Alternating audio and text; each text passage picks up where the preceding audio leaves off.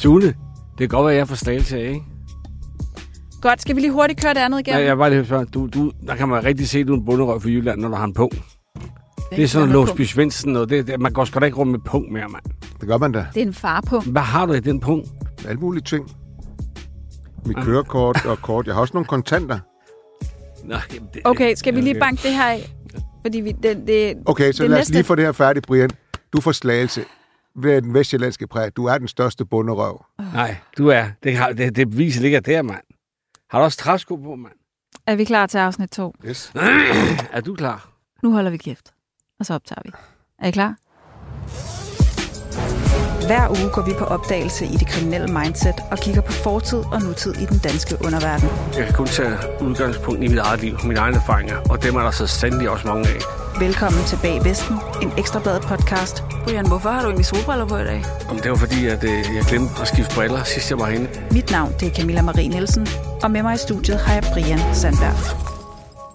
Velkommen tilbage til del 2 af vores special omkring øh, knækket af EncroChat og de øvrige krypterede tjenester, som kriminelle benyttede sig af i Danmark, men også i resten af Europa. Hvis du ikke har hørt afsnit 1, så synes jeg lige, at du skal pause det her, og så lige gå ind og høre det først, inden at du går videre med den her episode.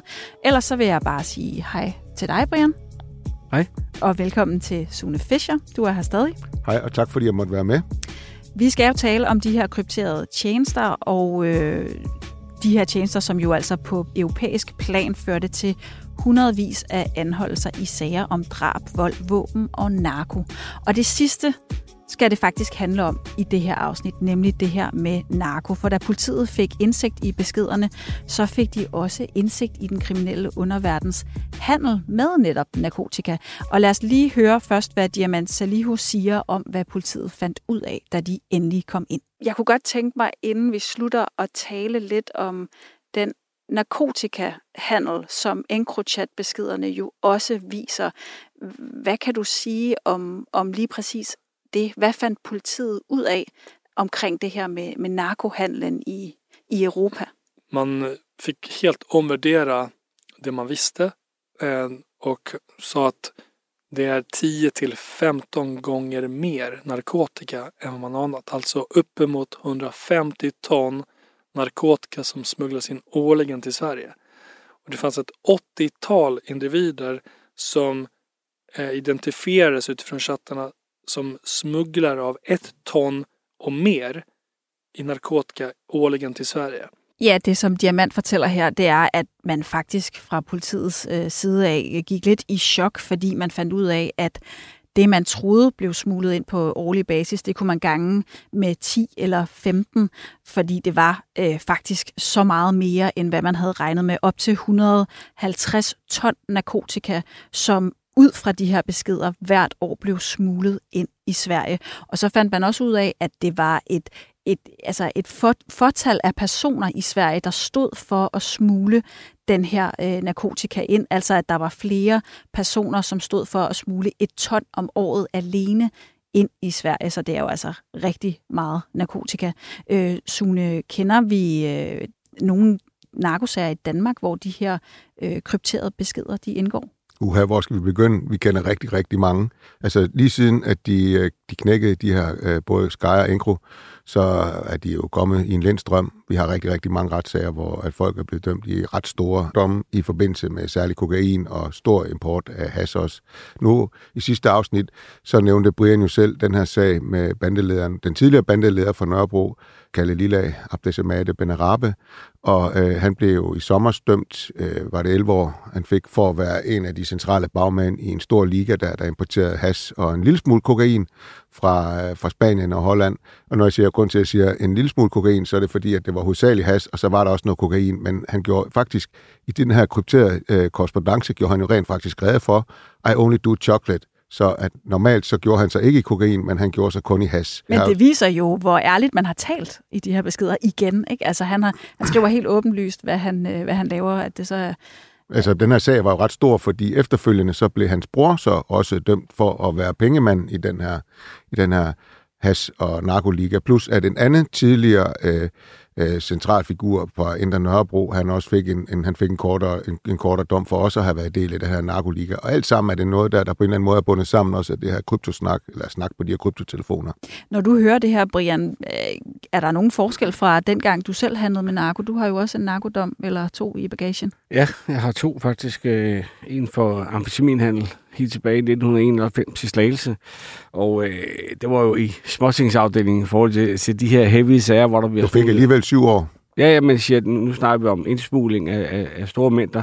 For jeg synes så godt lige gå lidt ned i det her med, med mig selv, fordi det, det kunne da godt være interessant kontra, hvad der er sket nu. Fordi at, øh, at, at dengang i 91, der havde vi noget, der hed en personsøger. Det var sådan noget, kun kriminelle eller læger havde, som, som sagde, bip, bip, bip, så kom der et nummer ind, så skulle der rende over sin telefonboks og ringe. Det er et nummer op, der stod på den, som også stod i en telefonboks. Det var rimelig nemt at aflytte, hvis man fandt de her telefonbokser. Der var ikke så mange i slagelse. Og øh, det gjorde vi, og vi var rigtig dårlige. Så vi rendte de 200 meter rundt om hjørnet og ringede. Og der aftalte man også bare lige at mødes, eller, eller øh, hvad man nu skulle. Vi hentede så med amfetamin, som også kaldes speed. Og det startede i det små faktisk, øh, med, med 10 gram. Vi købte 10 gram, og så blev det til 20, og så blev det til 100 200, og så halve kilo og et kilo. Så, så det, det formerer sig bare sådan der. Så, men der er jo nogen, der kommer ind med de store mængder, hvor de små mængder, de bliver jo delt ud. Der er det ikke bare lige sådan jo, hvis, hvis du skal købe for eksempel øh, noget, noget amfetamin eller kokain, så skal du først ud og have en prøve. Have en ud og prøve det her. Så skal der finde en eller anden junkie, som skal prøve det, om det er godt eller dårligt. Så det er lidt af øh, et cirkus, og være sikker på, at dem, du regner, der handler med, det er det rigtige, du får af dem. Så der er rigtig meget snyd og bedrag i den branche. Det er lige en lille sidehop, men det er faktisk øh, en beskidt branche på mange områder.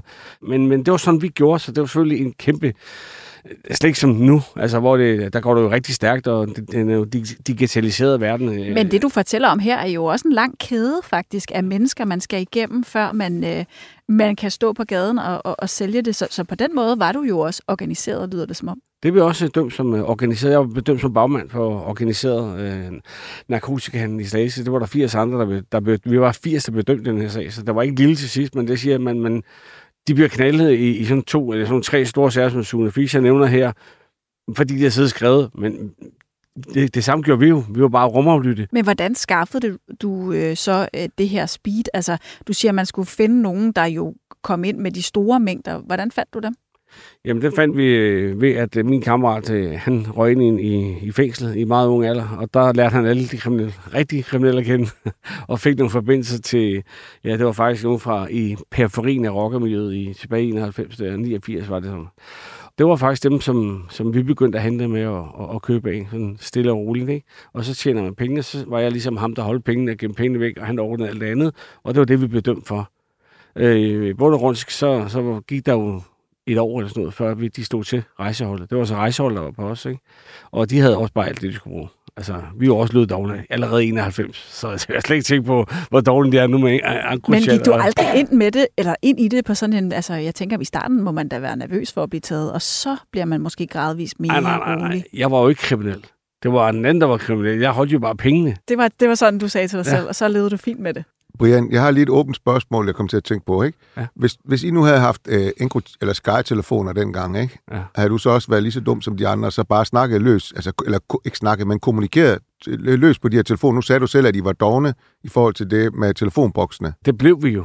Altså, jeg, jeg kan huske, noget af det første, jeg lagde mærke til, da, da jeg trådte ind i Tisangade, ind ved Heltringens hovedkvarter, da jeg startede, øh, efter jeg var kommet ud af den her narkosag, så så jeg, at, at, at, der var nogen, der stod og skrev på de der gule blokke, de der huske, huskeblokke. Post-its. Ja, og der holdt man sådan en hånd over blokken og skrev. Og så viste man øh, sydmanden, når der stod, og så brændte man den øh, i, i, en, øh, i et askebær. Og så var det ligesom glemt at, at væk. Hvorfor holdt tænker, man også det, hånden over? Var det, det fordi, så? man var bange for, for uh, rumaflytning og uh, ved det, videoovervågning. Så I sad simpelthen og skrev de små post-its til hinanden? jeg øh, det var faktisk det første, jeg lagde mærke til, var at tænke, de, de, er fandme, de er fandme professionelle her. det var sådan tænkte, du ved ikke. Så gjorde vi sgu ikke det slagelse dengang. Der kan vi jo bare lige udenfor at snakke, ikke? Der, der stod de bare og skrev sammen, og så brændte den. Og det, og det, det fascinerede mig faktisk. Det, det er smart, det der. Og det var måske det, de stadigvæk skulle holde sig til. Hvad skrev de om på de der gule sædler? Jeg nåede aldrig at se dem. Du var aldrig selv med til at skrive gule sædler og brænde dem? Jo, det kan, det kan jeg ikke komme ind på. Jeg kunne godt tænke mig lige at, faktisk at gå, gå videre, øhm, fordi det, der jo også var med, med de her Encro-telefoner og jo også øh, Sky, det var, at man man havde et brugernavn, altså man brugte ikke sit eget navn inde på den her øh, telefon, og på den måde var det jo et ekstra lag af anonymitet, kan man, kan man sige. Men hvordan koblede politiet så de her telefoner sammen med, med brugerne? Altså nu hører vi Brian tale i telefon, det var ret nemt at høre hans stemme. Her var der jo ingen lyd, der var kun skrift, og der var et brugernavn. Hvordan kunne man så sige, Sune, det her det er din EncroChat-telefon? Enkelte har haft nogle virkelig, virkelig dårlige øh, navne. Et dårligt EncroChat-navn. Altså et navn, der næsten identificerer dem? Yes. Så har der jo selvfølgelig været, vi nævnte i første afsnit, en, hvor at de kunne følge hans telefon. Hans egen øh, smartphone, den fuldtes med den her, øh, med den her, smart, med den her EncroChat-telefon, eller øh, Sky-telefon. På og, telefonmasterne? Ja, de kunne se, at den havde et, et, et meget øh, karakteristisk bevægelsesmønster. Han boede nord for København, og han var tit i Nordjylland.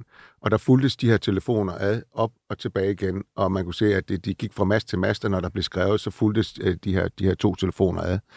Og der er jo også, altså så er der nogen, der bliver knækket af, at så, altså hvis jeg skriver til Brian og skriver, hej, øh, øh, Dolf 45, eller et eller andet, ikke? Tillykke med fødselsdagen, eller fik I noget godt at spise på din mors fødselsdag i går, eller din lillebror er syg, jeg håber, han har det skidt.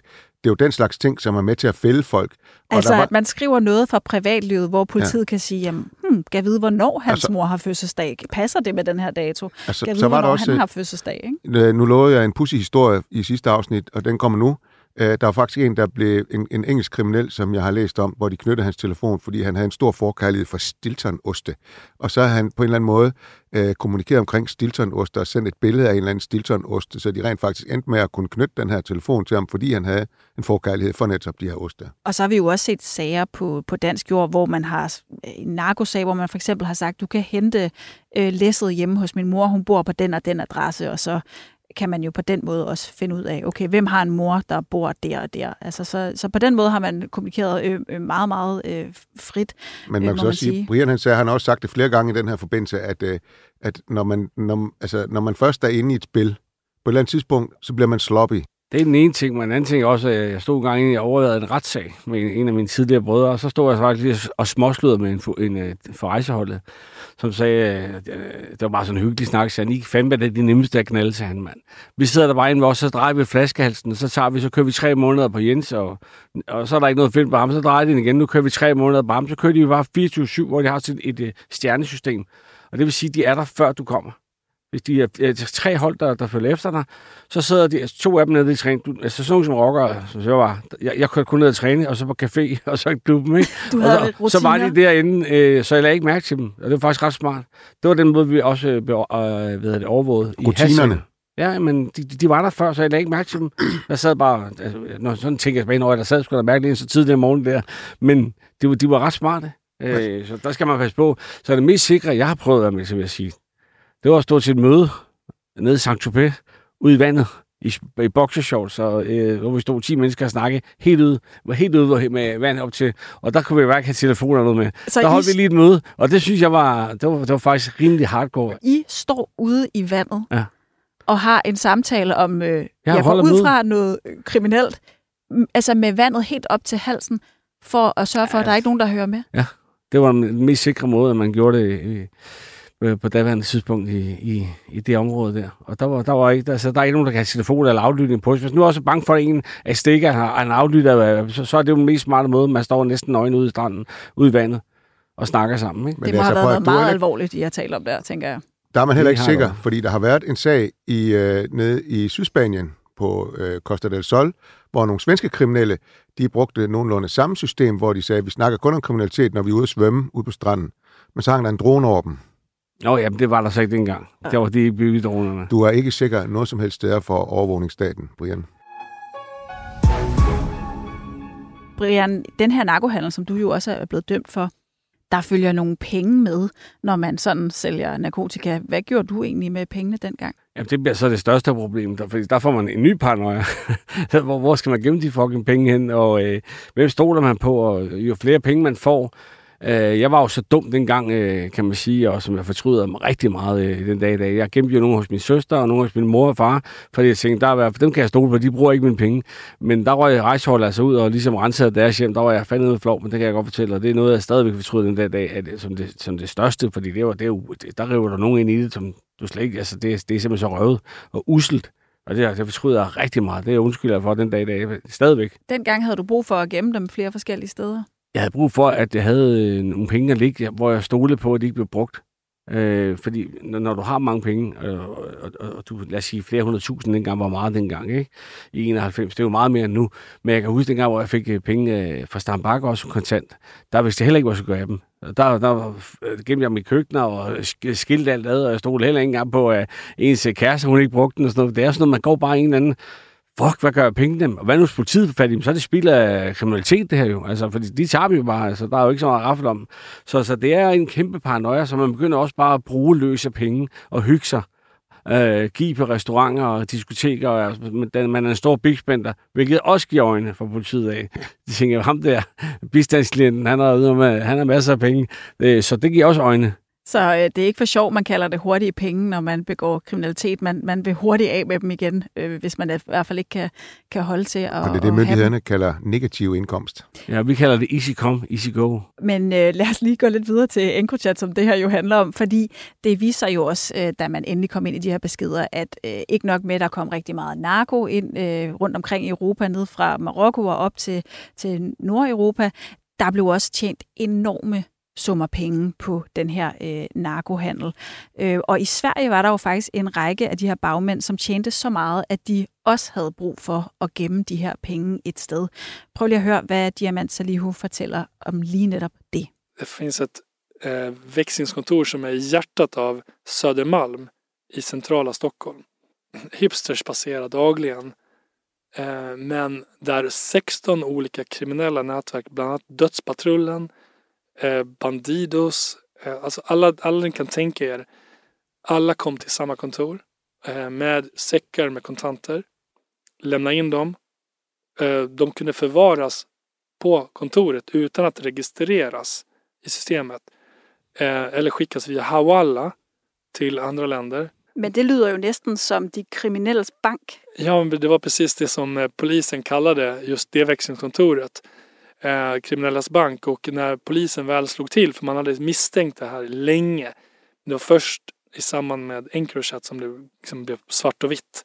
För man kunde se hur alla de här kriminella från hela landet hänvisade till växlingskontoret. Och det finns ju flera sådana växlingskontor men det, det var en kvarts miljard kronor ungefär som man misstänker var brottspengar under den här perioden som skickades via växlingskontor och när polisen väl gjorde razzia där så hittade man säckar med kontanter under, eller förlåt, ovanför takpanelerna inne på växlingskontoret. Där hade man simpelthen gemt säckar med pengar. Så många pengar var där upp under taget. Ja, men jag tror man hittade runt 15 miljoner i kontanter. Så i en sån påse, det kunde vara en ICA-påse. Ja, det som uh, Diamant fortæller om her, det er altså det, som det svenske politi døbte de kriminelles bank, altså et vekselkontor i øh, et meget øh, hipt sted i Stockholm. Han fortæller, at det er et sted, hvor der er rigtig mange hipster. Men der lå altså det her lille... Södermalm. Ja, Södermalm. Der lå det her lille vekslingskontor, som politiet længe havde mistænkt for at være et sted, hvor de kriminelle netop kom med deres øh, blandt andet øh, narkopenge, altså penge fra alt muligt slags øh, kriminalitet. Og da man så fik adgang til EncroChat, så kunne man faktisk se, at det var lige præcis det, der foregik derinde. Man slog til imod det her vekslingskontor og fandt ud af, at der var 16 forskellige kriminelle netværk her i blandt Dødspatruljen, som jo er den her bandegruppering, der er kendt for øh, narko og legemord og også fra Banditers, den her rockergruppe, vi jo også kender fra Danmark, som blandt andet kom med sække af penge på det her vekslingskontor. Og så fortæller han også, at man op under taget på kontoret fandt øh, ICA-poser, det er det svenske svar på Netto, øh, Netto-poser fyldt med pengesedler, og på poserne stod der så et navn. Det her, det er Tonys penge, øh, og det her, det er øh, Brians øh, penge.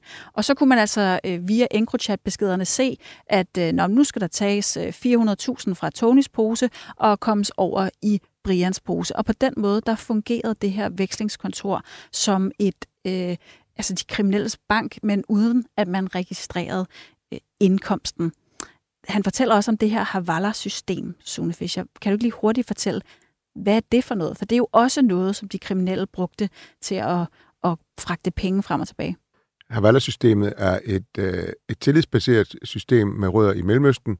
Så sidder der en kontaktperson i Danmark, som øh, man går hen og indbetaler penge til, og denne person har så en kontaktperson i Marokko eller i Beirut, eller hvor, hvor det nu skal være.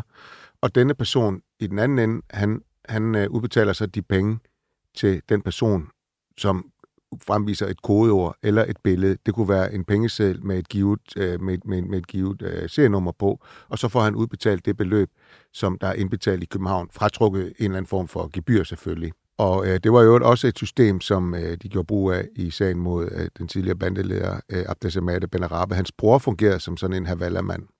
Men Brian, har du nogensinde benyttet dig af de her øh, vekselkontorer eller Havala-metoden øh, i forbindelse med nogle af de kriminelle penge, du har tjent? Nej, det var, det var alt for små penge, jeg tjente dengang, det er forhold til, hvad det er nu om dagen. Som, som sagt, så kan det godt være, at det var en, en lille øh, narkosag, men altså, de penge, vi tjente, brugte vi sådan rimelig hurtigt. Ikke? Ja, men det her, det er, jo, det er jo kæmpe penge, som, som kommer ind via store mængder narko, så, så kommer der også store mængder penge ind. Men, øh, men øh, jeg tror, posen er tom nu på det der på det vekselsted der. Det er fuldstændig ryddet, det kan jeg godt garantere.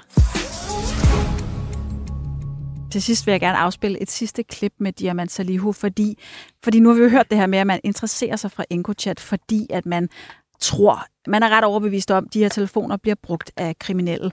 Men øh, det viser sig faktisk, at når man endelig kommer ind bagved, så er der også nogle andre lidt interessante brugere blandt dem, der er derinde. Prøv lige at høre her. Var der så nogle brugere, som overraskede? Altså nogen, som ikke nødvendigvis udefra var kriminelle? Det var också advokater. Vi har två kända sådana exempel i Sverige som använde sig av Encrochat. Ja, man fandt altså frem til i hvert fald to advokater, som brugte den her øh, tjeneste. De identificerede sig som øh, kongen og prinsen. Det var også det, som andre kriminelle i EncroChat kaldte dem, kunne, kunne svenske øh, politi se. Og, og det, som de også kunne se, det var, at de her advokater, de øh, altså, lækkede information fra øh, politiets efterforskning, og at de hjalp nogle af, af, af forskellige kriminelle netværk. De endte med at blive dømt for, for deres rolle i det her. De blev dømt blandt andet for narkokriminalitet, og kan jo ikke længere øh, arbejde som øh, jurister og advokater. Men overrasker det jer, at, at man også finder folk fra det samfundslag, Brian, i, i de her telefoner? Nej, nej, slet, slet ikke, fordi der er brødne kejle steder. Det er jo set igennem øh, de sidste mange år. Politiet er også dømt de forskellige sager, og advokater er også blevet dømt, så øh, øh, penge går blind. Det, øh, det, det kan godt lokke selv de mest øh, reelle mennesker. Øh, det, de kan også være presset jo, og mangle penge, ikke? Altså, vi er jo vidne om, at der er... Nu sagde du jo selv, at der er brødende kar i alle brancher, men altså særligt i advokatbranchen, der det er jo et sted, hvor man går hen, hvis man har brug for juridisk hjælp. Og vi kender jo til, at der er flere sager, hvor at de har bistået kriminelle på forskellige måder. Øh, også i forhold til sådan noget med pengesager. Så der er også øh, eksempler på dansk jord, hvor man altså er gået øh, lidt ud over sine beføjelser som, som øh, advokat for, for nogle af de her øh, kriminelle. Ja, men vi kender jo ikke til, at ligesom, altså det her eksempel med kongen og prinsen i Sverige, der, det er jo et meget, meget ekstremt tilfælde, og det, det har vi ikke oplevet i Danmark endnu. Det er i hvert fald ikke blevet afsløret.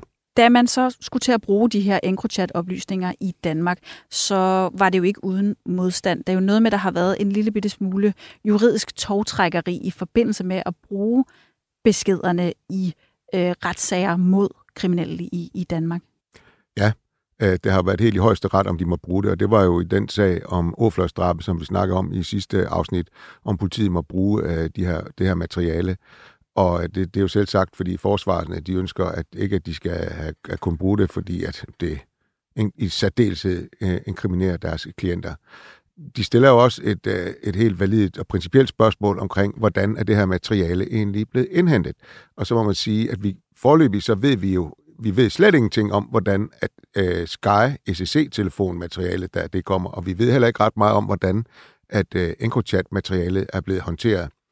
Og øh, jeg tror, det største anke er fra, fra forsvarende side, der det drejer sig om, at øh, materialet er indhentet ved såkaldt øh, masseovervågning og politiet så har kunnet sidde og, og sige, det der vil vi have, det der vil vi have, det der vil vi have, det der vil vi have. Og så har de så sendt, en, øh, når de har fundet det materiale, de vil have, har de så sendt en dommerkendelse på, at nu skal de have det materiale, som de i forvejen har udset, sig, de godt vil have, og så får de det øh, tilsendt. Der er jo også øh, noget i, at, at vi ved jo, at de jo blandt andet har siddet og, og søgt i materialet. Altså, det, det er øh, kommet frem, øh, både da man havde den her hemmelige operation, men også når man nu sidder og kigger materialet igennem, altså så søger man på, på ord, der kunne være relevante øh, drab, øh, narko, øh, slang for narko, alt sådan noget. Og når man så får et hit, så er det det, man beder om at få øh, flere beviser for. Man kan også søge på brugernavne, og så få alt, hvad den her bruger har, har skrevet. Øh, altså, hvad ligger der på serveren af materiale fra, fra den her bruger?